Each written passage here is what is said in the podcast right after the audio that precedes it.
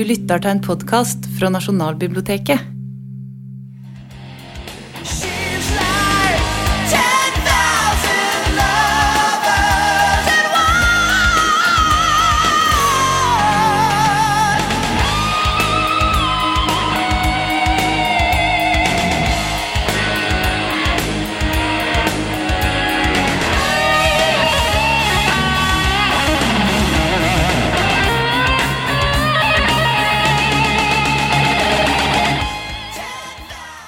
Velkommen, Ronny. Tusen takk. Vi skal snakke om 10,000 Lovers. Ja. Ja. Det er andre singel fra eh, Tell No Tales, som kom ut i 1987. ja. Det er den største hiten til TNT. Uh, nei, det er egentlig ikke den Ikke største hiten til TNT. er faktisk eh, både Intuition, en låt som heter Intuition, som kom på albumet etterpå, men uh, også Tonight I'm Falling. Eh, så, så det var ikke den største. Got you! Ga- Allerede! Men her i Norge så, så var det helt opplagt den aller største. Jeg hadde Intuition på kassett, bare så det er sagt. Så jeg kjenner den Intuition på kassett, men da var ikke du gammel, altså. Da var det seks, eller noe sånt. Ja, noe sånn, ja. Og det låt ok på kassett, eller?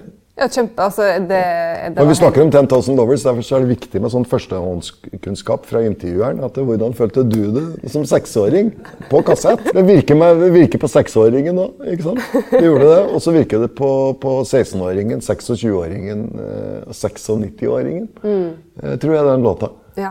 For, for den har noe rart ved seg. Hva er ditt forhold til den sangen?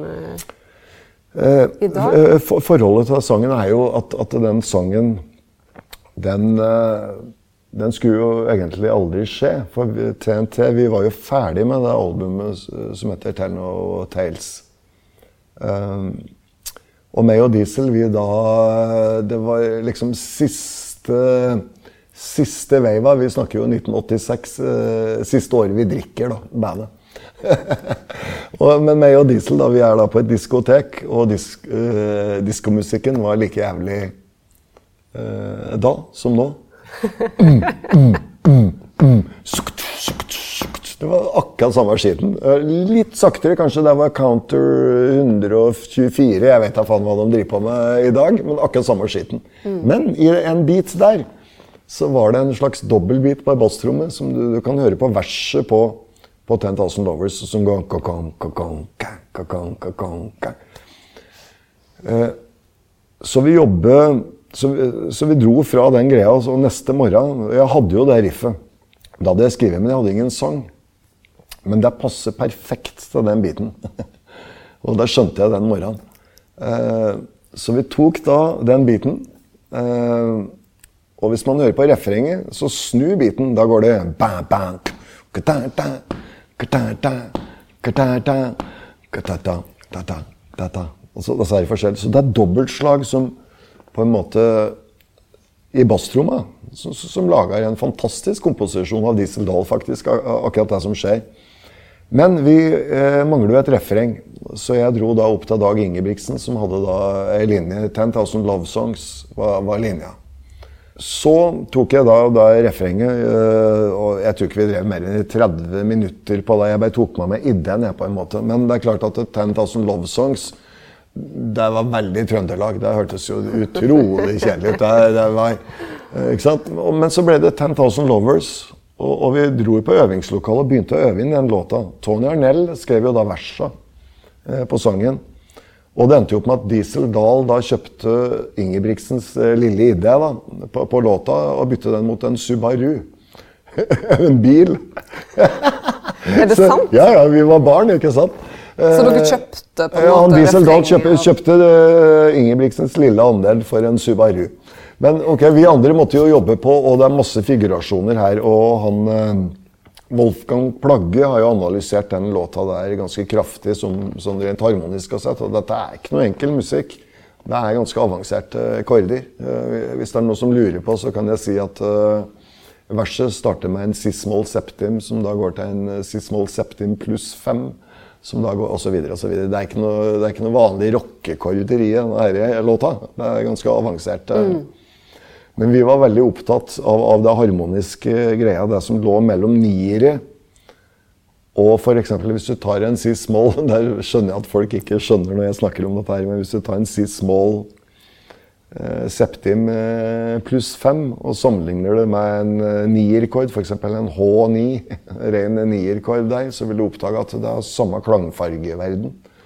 Og det fortsetter de etter den låta. Det er det, det de klangfarga der ligger til grunn for hele greia. Det, det er faktisk spenningsto mye spenningstoner i, i, i komposisjonen.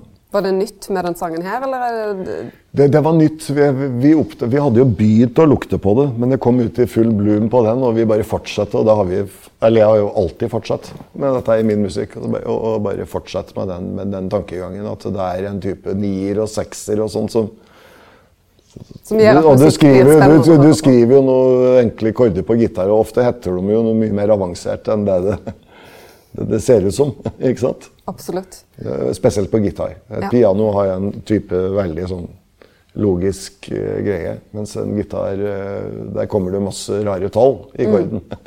Eh, bare ved å slå en, en rar ting. Så, Ja. Og det er jo gitaristens store fortrinn, da, at vi kan omgi oss med fantastiske store tallakkorder uten å eh, eh, sitte der. Eh, sitte sånn. Eh, Ja. så, så, så i hvert fall den låta, den eh, den, kom til sånn, og dette var jo dette var en låt som ikke skulle være med på plata.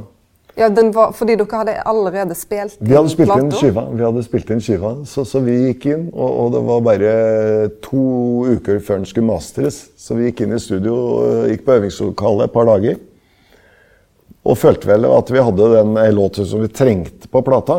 Det var ikke noe mer enn det. Vi, vi hadde ikke noe begrep om at det skulle bli en, eh, hitlåt, liksom. Men dere hadde en eller annen sånn hunch da, som gjorde at dere tenkte denne her Det var en god låt. Vi tenkte, vi tenkte at vi, vi, vi vil bare ha til, til, oss den dag i dag, så er alle låtene like bra på den skiva.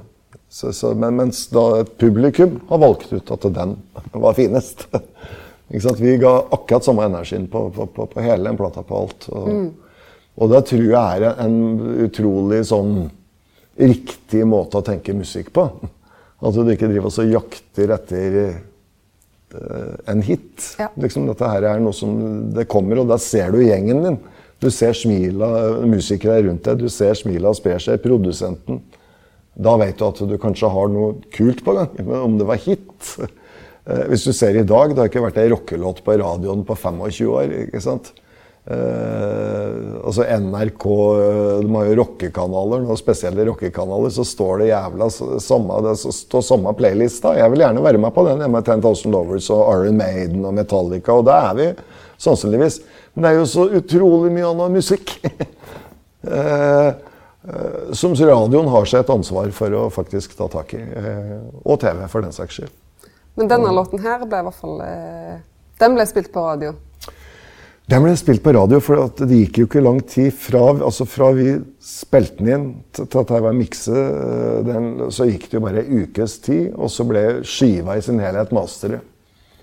Og derifra tror jeg det bare gikk ei uke Nei, så kom, kom vel skiva ut. Alt, det var et jævla trøkk på den tida. Eh, Som i dag. Men da krevdes det mye større markedsplaner og sånn. Så hvis du lå etter som kunstner, så, så måtte du bare speede opp. Og, for, for datoen var datoen. Så, så kom jo denne her, og det var ikke første singel, 10,000 Lovers, fra den plata. Det var en låt som het 'Everyone's a Star'. eh, Som gjorde det bra i Amerika. Og, mens eh, jeg, jeg hørte det jo ganske fort og merket det på vennene mine at 10,000 Lovers, faen, hva er det her for noe? Men den kom jo da som singel nummer to. Ja. Uh, singel som eh, nummer én i Norge, men i resten av verden så var det singel nummer to. Nå skal vi ta og høre litt på, på altså rett fra teip, da, for nå skal vi høre, høre hvordan det hørtes ut når dere hadde spilt inn. Oi. Uh, yes. Oh my girl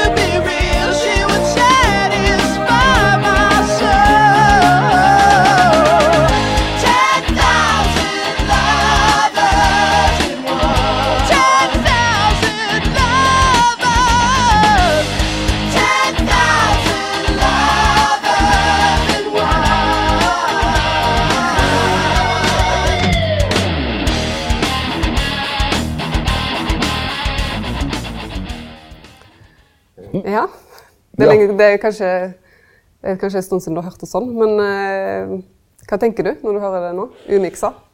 Jeg tenker på, på at vi jobber som band. tenker jeg at vi jobber systematisk syv dager i uka. Det var ikke noe annet som gjaldt. Når vi ikke spilte, så, så øvde vi, men vi turnerte veldig mye. Eh, Jeg kan ta et eksempel i 1983. Det er jo veldig lenge siden. Eh, Det året spilte vi jo 170 konserter. Eh, Så vi var jo aldri hjemme. Eller Det var eh, eh, Det tenker jeg. Og jeg tenker på at vi var en sammensveisa gjeng med ambisjoner, tenker jeg når jeg hører det. Og så tenker jeg sånn rent musikalsk så tenker jeg at uh, Idea da fulgte opp uh, veldig stramt. Uh, man hører jo vi øker på trekket. Det starter jo på 100 og et eller annet. Og da før låta er over, så har det økt med seks-sju tellere, tenker jeg. Sånn på klikket. Så Men det er en bra ting, er det ikke det? det er en bra ting. Og, og hvis du hører mye av den rocken, den gode rocken fra 70-tallet, så det er ikke noe begrep du, du, altså, Jeg har aldri hørt en kommentar om at Led Zeppelin øker på Eller så, så, så, så det ble et eller annet og som har vært siden en Altså, jeg tror etter 10,000 Lovers kom Det var først etter det alt skulle være på griden. Da kom. Før det så hadde vi faktisk lov. Men Altså på grid, at det skulle følge en helt etter 1987 så har jo folk eh, grunchen og alt har vært på griden. De har stått på klikk. Tikk, tuk, tuk, tuk, tuk, one, two, three, four, torte. Med sånn døv amerikansk tromming, ikke sant. Ja. Så det er det som har ødelagt rocken. da. At den gikk på griden, ikke sant. Uh...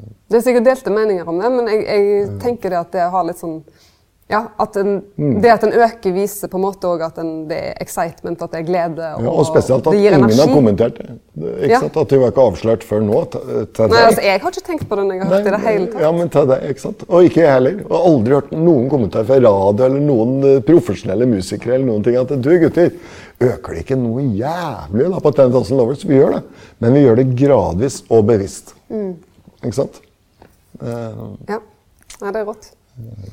Vi hører på, når vi hører på det sånn umiksa, sånn, så er det jo i hvert fall altså Den største forskjellen sånn sonisk er jo kanskje det at det er ganske tørt i forhold til hvordan den eh, Åssen kom? Ja, at, at, at det er masse klanger. Men også på den tida, de hadde jo bare fire klanger. De hadde kanskje en leksikonklang, og så hadde de en eh, Jeg husker ikke hva de het. En, en dansk klang. Ja, vet det, var, det var ikke så mange klanger.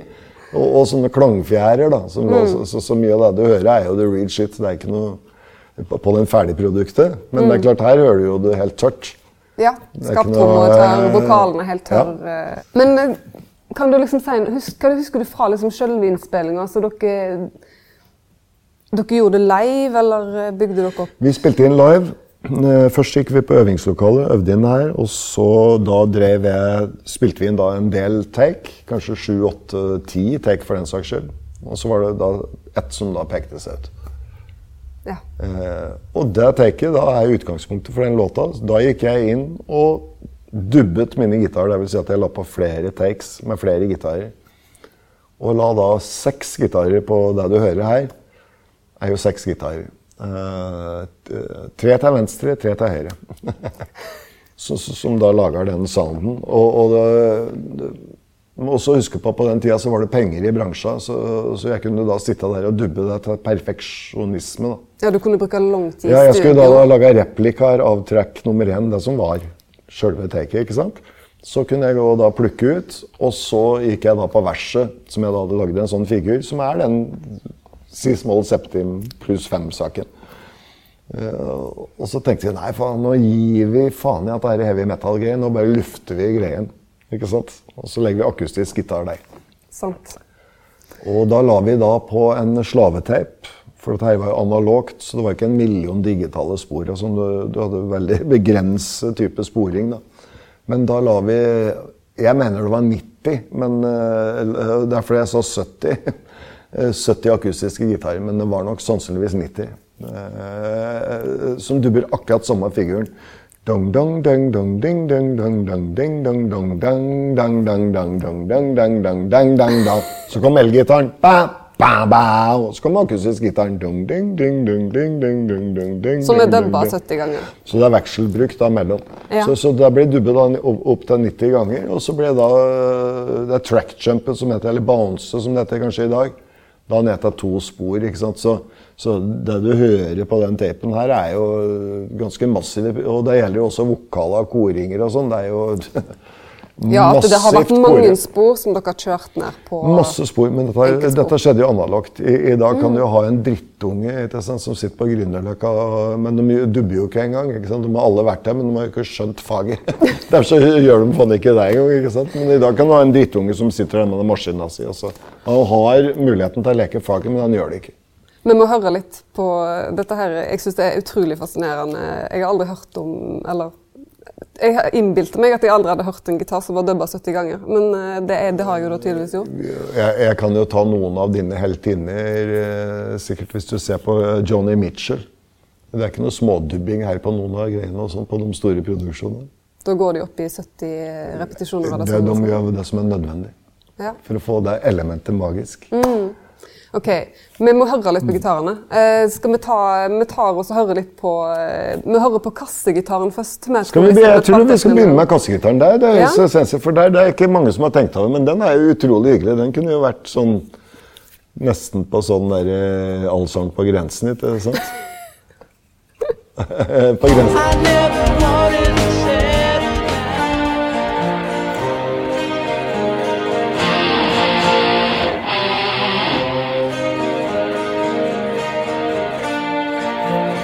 Hvis du hører den, så er den også sikkert dubbe med en li, litt sånn halvrengt gitar, men it makes sense. Ja, det ligger et eller annet sånn vreng i Ja, ja, ja, ja, ikke sant? Så, så der, men, men det er 90 akustisk og så et par vrenggitar. da, men skjønner, så, Og da vil jeg tro overveiende sannsynligvis da er fra det taket. Den vreng som, som ligger der, og så dubber vi over. Jeg husker ikke, takk for, thanks for the reminder, men dette er jo snart 100 år siden. Men eh, jeg prøver å huske det, det, det husker jeg Mm. Men du har jo tracka denne kassegitaren med effekter, og altså, den har jo noe sånn flere Nei, der ble ikke helt touch. Det var ikke, Det det, er helt- det, det verktøyet hadde vi ikke. Det var i din verden, baby. Det var sånn eh, Ja. da vi digitale verktøy som du kan skru på så mange du vil. Men det var ikke sånn. Så, så vi måtte bare så, så Alt som har med klanger da skjedde da på et stereospor. In the end, ikke sant. Skjønner. Hvor lang tid brukte du, tror du? på Jeg brukte en dag på dem. eh, Nesjø ville jo ha med til eh, dubbede eller 70 eller 90, det er jeg usikker på. Og det er klart at, eh, Men det, figuren er ikke så lang. Dung, ding, ding, dung, ding, ding, dung, ding, ding, ding, ding, ding. Men så er det klart, jeg måtte jo gjøre det gikk ikke an å kopiere, for det var jo ikke på klikk. så jeg måtte gjøre, Det er bare unike framstillinger, og så, og så dubbe det 90 ganger. Og det er klart, jeg spilte jo Hvert spor spilte jeg kanskje ti ganger feil. før jeg fikk det sporet. Og han var utrolig pirkete, Bjørn Nesje, produsenten, da, på, på det her. Som, som var ung på den tida. En ung, utrolig ambisiøs produsent. Og, eh, og det var bare rett og slett det eneste studioet i Norge på den tida som hadde peiling og, på å få det noe i nærheten av internasjonalt. Du skjønner, Det var Nidaros. eh, Ja, for dere spilte inn i Trondheim. vi spilte inn i Trondheim. men Altså, vi ble jo, og det, det var helt riktig valg. Så vi gjorde jo fire album med, med Bjørn Nøsje Ja. på Kjøpen. Og det angrer jeg ikke på. Vi hører litt på, skal vi ta oss og høre litt på eh, flaggskipriffet òg?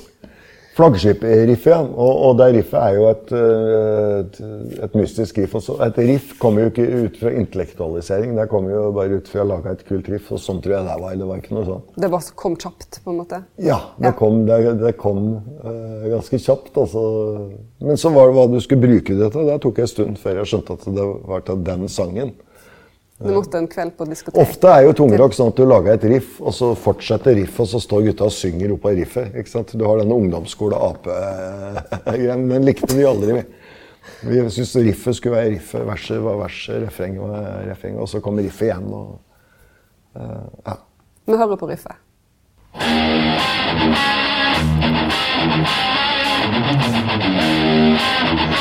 Thank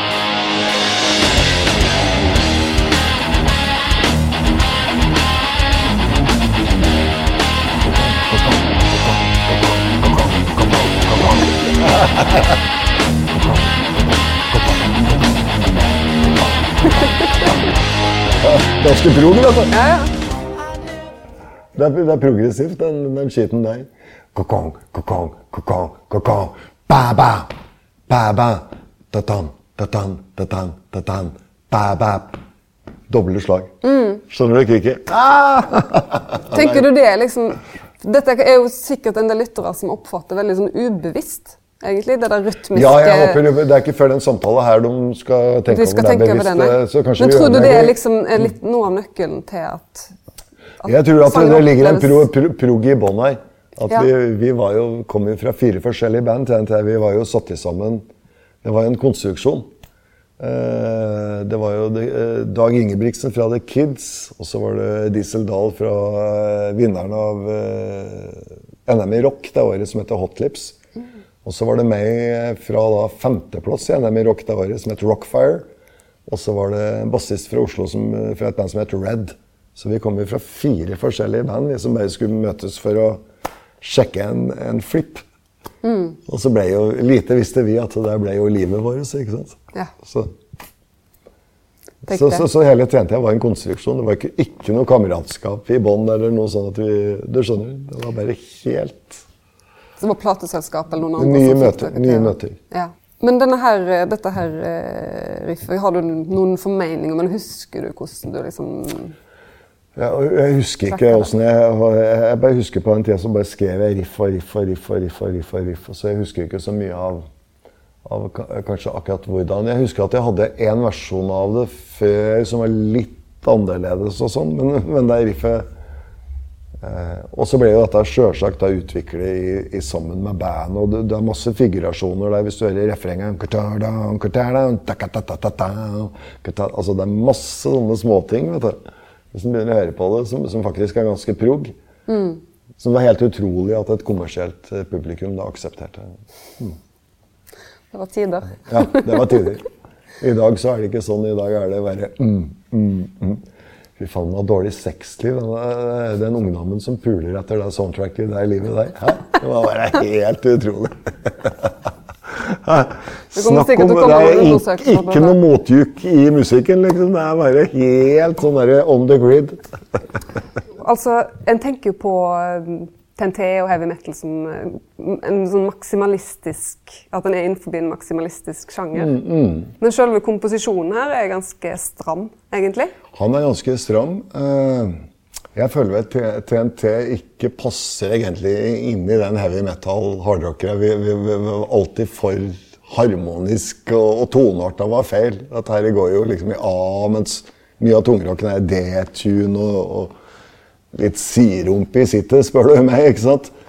Og dette var jo noe som vi vi på en måte, Det var jo band før oss som, som satte standarden for, for, for en, en type freshere musikalsk eh, tenkning da, i forhold til tungrock. Rush, for eksempel. Ikke sant? At det, eh, konstante modulasjoner. Så hvis du ser på 10,000 Lovers, så starter jo riffet er jo i, i E-dur. Ikke sant? Eh, E-dur, A-dur type feeling. Eh, verset er jo en parallell eh, toneart, eh, cis-moll. Men der vi tar det store grepet, er jo rett før refrenget, som vi da går fra cis-moll til en A-dur til en D-dur, og da kommer vi oss på et bemerkelsesverdig kult vis inn i A-dur, som refrenget går i A-dur. Og da kan du si at da, ok, da er vi tilbake til bluesen. Så, så, sånn harmonisk sett, Men det er, det er irrganger her harmonisk sett. Hvis du hører på gitarsolen, vi modellerer igjen. Ikke sant? Og så, og så kommer det da nytt refreng etter gitarsolo. Modellerer. Eh, men så modellerer den på nytt Ja. på siste refrenget. Så det er modulasjon på modulasjon på modulasjon. Og det er vel noe som gjenkjenner TNTs musikk. Det er konstante modulasjoner. Det er ofte fra første vers til andre vers, så er vi ikke samme. Litt sånn som Cheap Trick. Queen er også der. Du kan tro at det andre verset er i samme tonearten, men det var faktisk halvtone under det første du, Ja. du hørte. Og der lager jeg en sånn stringent, jævla kul greie. Var, det, dette noe, var dere sånn musikkteoretikere? Hadde dere peiling på hva dere gjorde? Eller hva gjorde Eh, dere? al- altså sånn mus Musikkteoretisk messig så var jo bassisten var jo øh, godt opplest, og, og jeg er jo det. På harmonikk og, og notasjoner og, og alle sånne ting. Ja. Eh, så, så det var jo en grunnleggende interesse for klassisk musikk, eh, som vi òg har. Og, og, og The Beatles og Queen. Samtidig TNT var jo et annet band. Vi, vi hadde kom inn andre folk som, som digger Rose Tattoo og ACDC og Status Quo og sånn. ikke sant? Vi, vi, ingen av oss liker samme musikken den dag i dag. Vi har vidt forskjellige musikalske interesser. Så, så jeg tror det er summen. Jeg tror det er veldig skummelt som band da, å, å jobbe med likesinnede. At alle i bandet digger samme bandet, og samme inspirasjonskilden. ikke sant? Det tror jeg er hemmende. Eh, mens TNT har, og har enda altså, lange diskusjoner om, om, om, om eh, hvem som da er Hva som er det mest guddommelige. Eh, I TNT så er vi alle enige om at det er Beatles og Queen. Det kan vi enes om. Liksom. Det, er, det er de to store som kanskje er opplagt, men altså, du slipper ikke unna det. Eh, som Beethoven og, og så videre. Det er jo en del sånn eh, kombinasjonsspor på de råopptakene her. Ja. Altså Det begynner med kassegitar eller synt, og så går det over i noe strums på en kassegitar, og så plutselig ser er du over i en gitarsolo. Mm. Ja, på, ett- samme, på, på samme og samme spor. Og der kommer jo at det ble tatt opp på begrensa antall spor. Det er kanskje vanskelig for et ungt menneske å forstå i dag, men da hadde du liksom 24 spor å forholde deg til. Så da måtte du kanskje da Men så hadde vi òg noe som heter slaveteiper. Så du hadde mastertape, og så hadde du slave. Og der låt jo fantastisk 'Masters and Slaves'. Eh, Og da, eh, den masteren da, da sendte da tok vi en stereomiks fra master der vi hadde, og så ble den lagt inn på en slave. F.eks. å kore på. Ja. Og der gjorde det da mulighet til at vi kunne kore og kore og kore. Så vi men så var det analogt. Så når vi hadde koret seks spor, så måtte du spille ned, ned på to spor, f.eks. Og så sånn fortsatte du til du hadde fylt opp tapen. Der gjorde vi det. Vi Ja. fylte, fylte den opp. Ja, det er jo, mye, det er jo heftige Vi, koringer ikke sant? vi fylte den opp, eh, og dette, det er klart, dette krevde jo mye mer jobb enn eksempel i dag. Men, men, eh, men sånn i dag så låter det heller ikke like bra, for at det her var jo analogt. Eh, nå i dag så prater vi 32 bit. Det er jo den musikken som, som dagens artister Det er maks oppløsning, liksom. Eh, her er analogtape er jo eh, 700 bit oppløsning. Det er ikke noe null- og ett-tall som lager lyden din. Det er all, alle frekvenser blir tatt opp på analogtape. Alle sjikta. Det er den store forskjellen. Det er derfor Abbey Road med Beatles låter mye bedre enn en enn all annen popmusikk i dag. Og fremdeles selger fire millioner skiver hvert år. Jeg tror ikke det er så kontroversielt å si det, egentlig. Jeg tror ikke For det det. kan jeg huske fra jeg begynte å spille i band, at Ja. ting som var spilt inn på teip, det var det råeste. Det låt Det er det best. råst, og det er det ennå. Ja. Så kanskje vi skal gjøre det på, øh, hvis vi skal gjøre noe sammen. Jeg har teipen, maskinen står der. Det er bare, og, og det er noe, hvis man har det gode taket, det er uslåelig. Fantastisk. Ja, helt uslåelig. Vil du høre på din egen gitarsolo, eller? Det må jeg, men jeg, vet du, jeg kan si at det var presisjon. Jeg var 23 år når jeg spilte inn den soloen. Øh, og det er noen baklengslyder. Jeg husker jeg dro en sånn volumknapp, og vi reverserte noen reverber, og vi lagde en slags konstruksjon av den òg. Så hver solo øh, på TNT er på en måte en egen komposisjon som stikker av fra resten av låta. Akkurat som Queen. Han bør ikke drive og gnage oppå samme låta. Det er lov. Et, et solostrekk og bare stikke helt av. Helt ny verden. Men så er trikset da prøve hvordan man kommer seg tilbake inn igjen. Det kan være vanskelig når du stikker av musikalsk. Da har du jo sjekket sjøl når du skriver låter. Lengre du går ut, og så plutselig så er du toneartmessig, og sånn, så er du Men det satt opp deg dit. ikke sant? Den tror jeg mange musikere har følt på. Men den må man ta en sjanse på, og det fins alltid en vei ut. Eh, skal vi høre på den? da? Vi hører hvordan du løste det her. ja, og hvordan vi finner en, da, en vei ut.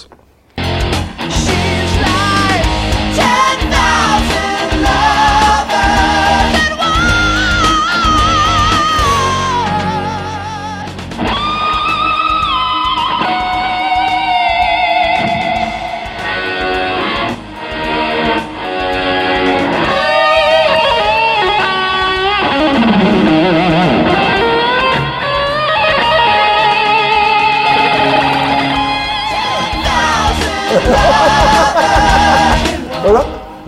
Og jeg kan si at på den tida ingen som spilte gitar sånn da. Og det er ingen som spiller gitar sånn nå. For det er så rart. Jeg, jeg tenker jo som gitarist, så tenker jeg blup,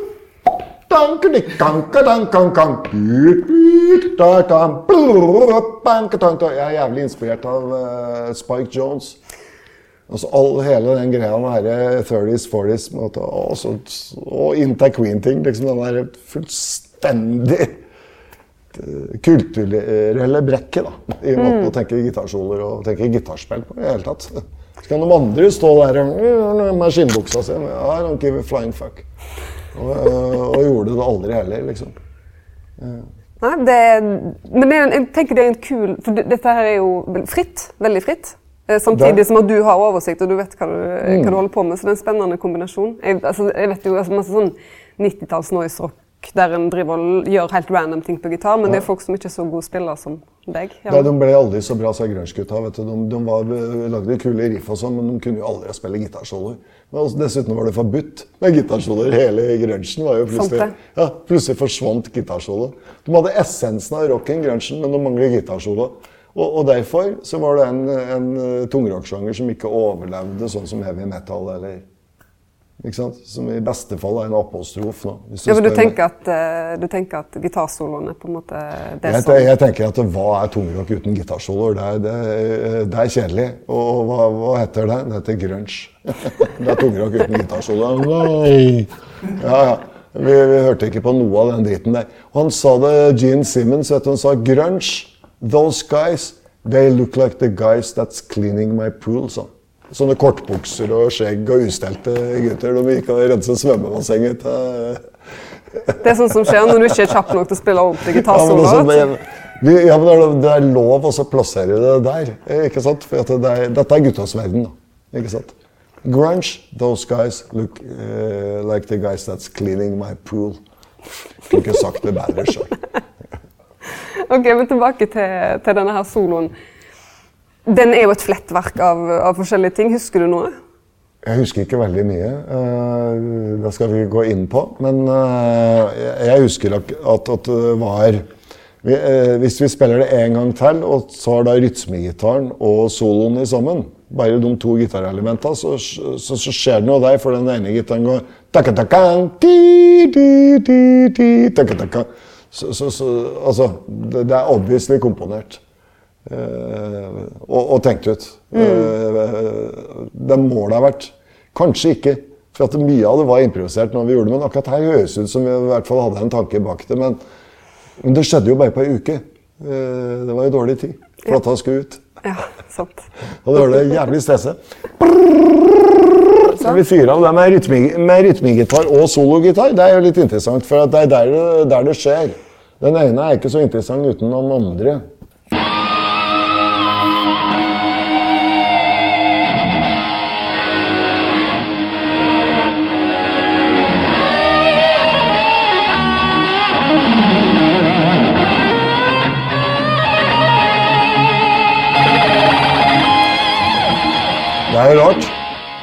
Er ikke noe vanlig gitarsolo. Det kan jeg si. det er fryktelig rart når du hører det sånn. Å, det er deilig. Det, Helt herlig. Eh, Det, vi kunne sikkert snakke om, om gitar eh, veldig lenge. Men, Eh, Gitar er veldig viktig å snakke om her, for Ja. det, det som skjer med gitarlyden her, som da skiller, og som alltid har skilt meg fra en måte type å jo- jobbe gitar på, at jeg har alltid spilt Ma- Marshall-forsterkere. Og, og jeg spiller akkurat samme forsterkeren nå som jeg gjør når jeg var 18 år. Den har vært med meg over hele verden, og jeg har to. Eh, Johnny and Ronny heter disse to. Og de har vært med meg nå i da, 40 år. Ja. Og hvis den ene svikter, så funker i hvert fall den andre. Og, men ofte spiller jeg da i stereo på disse. Men det jeg gjør på, på alle disse platene, er at den forsterkeren så, så tar jeg høyttalerkabinettet, så tar jeg høyttalerkabelen, og så blir den lodd inn på én høyttaler. Så gitarlyden er bare på én liten høyttaler. Det er spilt kjempehøyt på én høyttaler. Som gjorde da at høyttaler hver uke så sprengte jeg en. Og så bare bytta jeg ut. ja. Så alt trøkket er på én høyttaler. Det er ikke sånn som du ser et, et høyttalerkabinett, så er det også satt en mikrofon foran én høyttaler, men så er det tre rundt deg som lager lyd og faser og støyer. ikke sant? Så, så de mikker Du kjører alt inn i ett element, liksom? kun ett element på plateinnspillinger. For da slipper du all den omliggende faselyden og sånn, og, så og så blir det jævlig punchy. og så går det til helvete. Så, så det er en viktig Det er jo mange som har lurt på ikke sant, hvordan i helvete får du den gitarlyden, men det er jo mye av den at den er faktisk ganske liten. Er det her eh, Har du Akkurat soloen er nok ikke gjort så mange ganger, men, eh, men har du dubba elgitarene mye her òg? Sånn som med kassegitaren? Eh, På soloen det er ikke noe Ikke på soloen, men på riffet og de Eh, tingene På riffet er det jo seks, eh, seks gitarer. eh, så- så Hovedriffet. Så er det da 70 til 90 eller det vet jeg ikke, men i hvert fall, liksom. På akustisk gitar. Og soloen er vel primært en solo, og så er det kanskje andre stemmer, høres ut som. Her og der. Som jeg har lagt på litt andre stemmer. Eh, ja, jeg, var jo veldig fan, og er det fremdeles, av alt som heter George, lukter George Harrison og og Brian May, alt dette han har gjort utafor Queen og liksom disse tinga der. Og Brian Eno. Altså Bobby og disse greiene der. da. En av de første Eller det, det er litt morsomt fordi i forhold til gitar og, og ting som låter bra i studio og sånt, så noe av det første jeg Jeg har egentlig hatt med meg deg i hele min karriere som liksom eh, musiker i studio. Fordi når jeg begynte å spille i band og flytta til Oslo, så ble det fortalt en historie om deg i studio. Ja. Eh, der du hadde, jeg aner ikke hvilken innspilling det var, eller noen ting, men eh, du hadde vært i studio og jobba. Og så eh, hadde noe plutselig så var det noe som låt veldig bra. Så hadde du sagt sånn Ikke, ikke rør en knott. Dubb den tolv ganger. ja. Og det ble en sånn saying når vi var i studio og jobba med Harry Skim og sånt. Så, ja. så hvis noe låt eh, hvis noe låt bra, så var det sånn Perfekt gitarlyd, ikke rør en knott. Dubba den tolv ganger. Vi sa, vi sa det mellom oss. Jeg skal innrømme at vi dubba ikke ting så mange ganger som du gjør. Nei, men jeg skjønner, men allikevel, bare kjør på. Du, jeg har hatt inn, jeg, Fremdeles den dag i dag så sier, jeg, så sier jeg 'ikke rør en knott' hvis noe uh, låter bra. Og så slo Ja. det meg først nå at det er det Jeg har. Det må du alltid gjøre. For du, du vet det i det sjøl. Bare stopp. Da- Du vet det øyeblikket. Ja, og da kan det være en eller annen idiot som skrur på en knapp, så var alt ødelagt. Ja, men det er sant. Det er jo Jeg har ikke skiftet gitarstrenger siden jeg var 18 år. Det er, bare, det er oppskrytt å skifte gitarstrenger. Altså. Det bør en gjøre sjeldnest mulig. Rådyr, vet du. Så jeg har ikke kjøpt gitarstrenger heller siden jeg var 19, så Du får de kanskje, eller? ja. Ja. Det er, eh, jeg har ikke kjøpt en dritt. Det er det jeg kjøpte Jeg husker jeg kjøpte du vet, jeg, jeg, jeg, jeg er eh, musikkbutikkens dårligste kunde. Altså. Jeg, på, på 40 år så har jeg kjøpt tre bottlenecks. Liksom. Og så et akustisk, sånn som jeg trengte for en gitar eller strengesett. Jeg har ikke kjøpt noen ting. Jeg vet hvorfor. da. Ikke pga. at jeg har så jævlig, men for jeg spiller akkurat samme greien som jeg Aha. Jeg trodde det var nå du skulle fortelle at du har sånne feite sponsordealer. Nei, jeg har det. Jeg har masse feite sponsorer, men uh, enden på visa Jeg spiller jo akkurat det samme likevel. Så det er ikke noe Samme gitarer og Samme alt. Ja. Det har ikke forandret en ting fra jeg var 18 år. Samme gitar, samme boksen. Samme Vava-pedalen, samme Tapeco-maskina, samme forsterker, samme everything. Hvorfor forandre en suksess? Nei, nei, liksom? herregud, du forandrer deg ikke. Nei, jeg tror jeg skal finne på en ny gitarlyd, jeg. Skjønner du? Og da skjønte jeg i hvert fall når jeg hørte 10,000 Lovers Jeg tror ikke jeg skal drive og reinvente meg sjøl på gitarlyd. Liksom.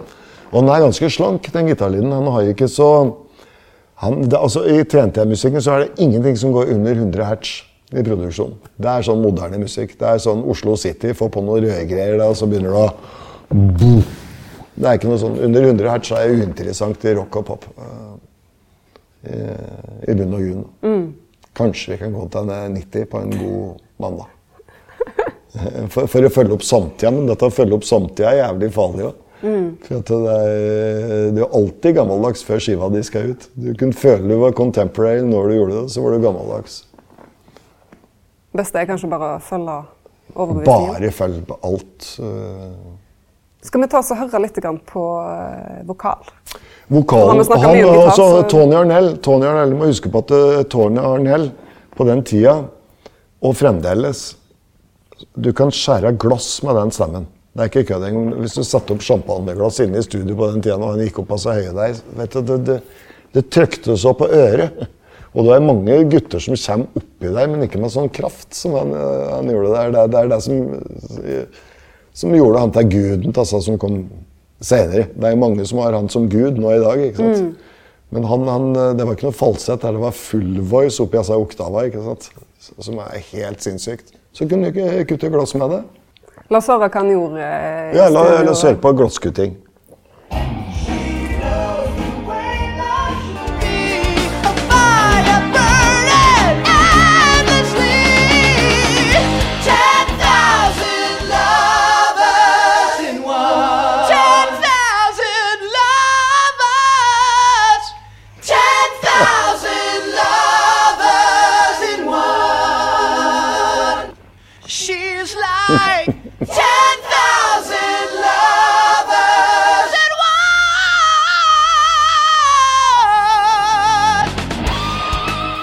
Han går opp, og han var Ja, han- Og det er klart, altså, på den tida når vi turnerte der, så var det jo øh, Når vi hadde soundcheck, så plutselig så dukket det opp flere tusen bikkjer vet du, utafor konsert. De trodde det var sånn hundefløyte som står og sjekker. vet du, sånn Dog whistle. Det kom jo flere tusenvis med bikkjer.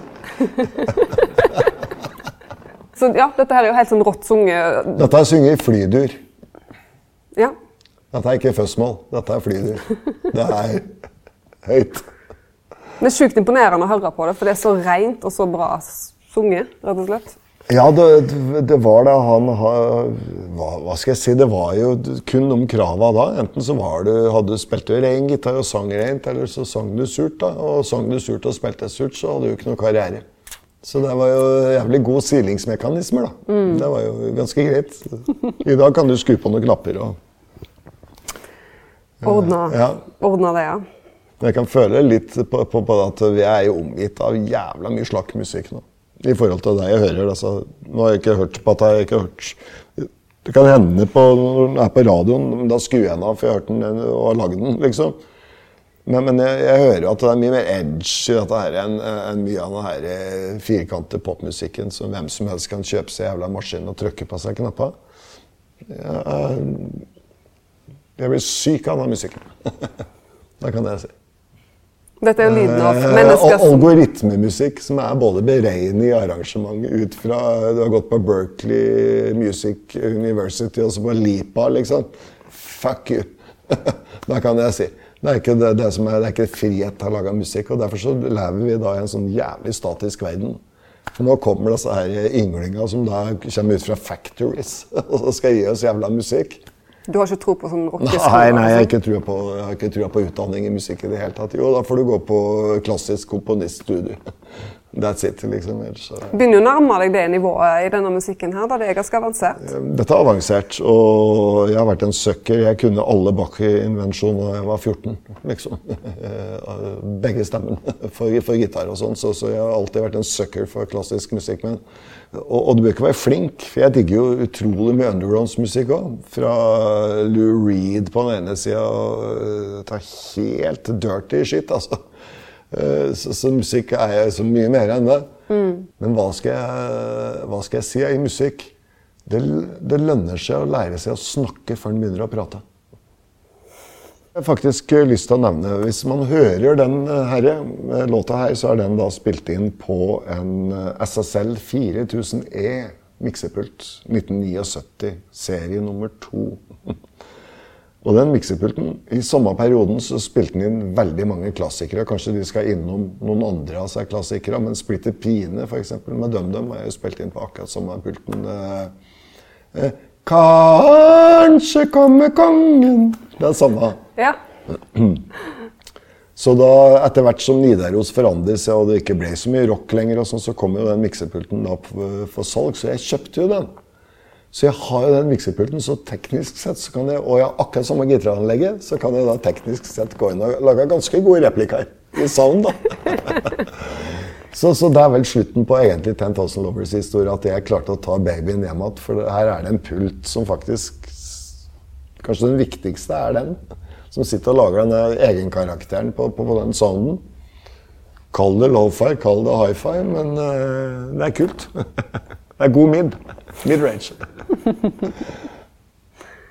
Så det er liksom et arbeidsverktøy som du har med deg den dag i dag? Det er et arbeidsverktøy som jeg har med meg den dag i dag. Og ja. Paul Voktor 4000 ned. Eh, Peter Gabriel 4000 ned. Så jeg våkner opp hver morgen til denne babyen der og elsker det. Vi går litt tilbake til, til, til sangen igjen. Så Vi oppdaga noe når vi hørte på slutten. Så vi tar bare og hører den ferdig miksa versjonen. Hører slutten på den først.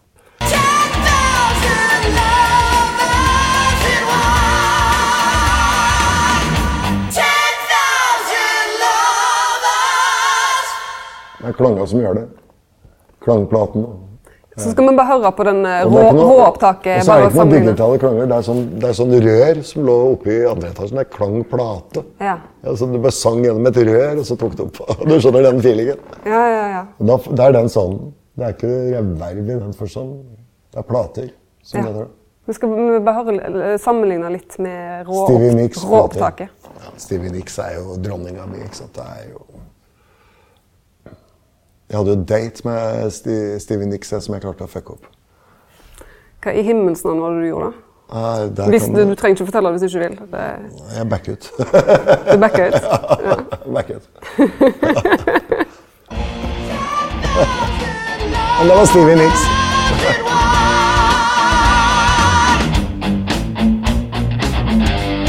Her er borte. Det tok vi ikke med. Og ganske tøff drift, da. Det er tøffere der sluttriffet vi klippet ut av de aller fleste norske riffa i dag. Det er jo det, for faen. Hørte jeg. Kjør på, den nye en ny låt, det. Er jo det. Ja, du kan jo det bare fortsette der du slapp. det- nei, nei du, kan, du kan få lov å bruke riffet, du. Så får vi se om du finner ut det. For det tar en stund å finne opp et sånt riff. Det tar litt tid, altså. Hva skjedde her, da?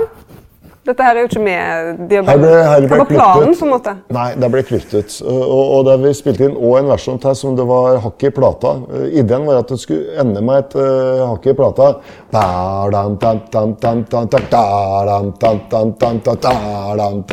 At, vi mer skulle ende ut et spilt hakk i plata. Og vi elsker det, men det, det ble litt mye, da.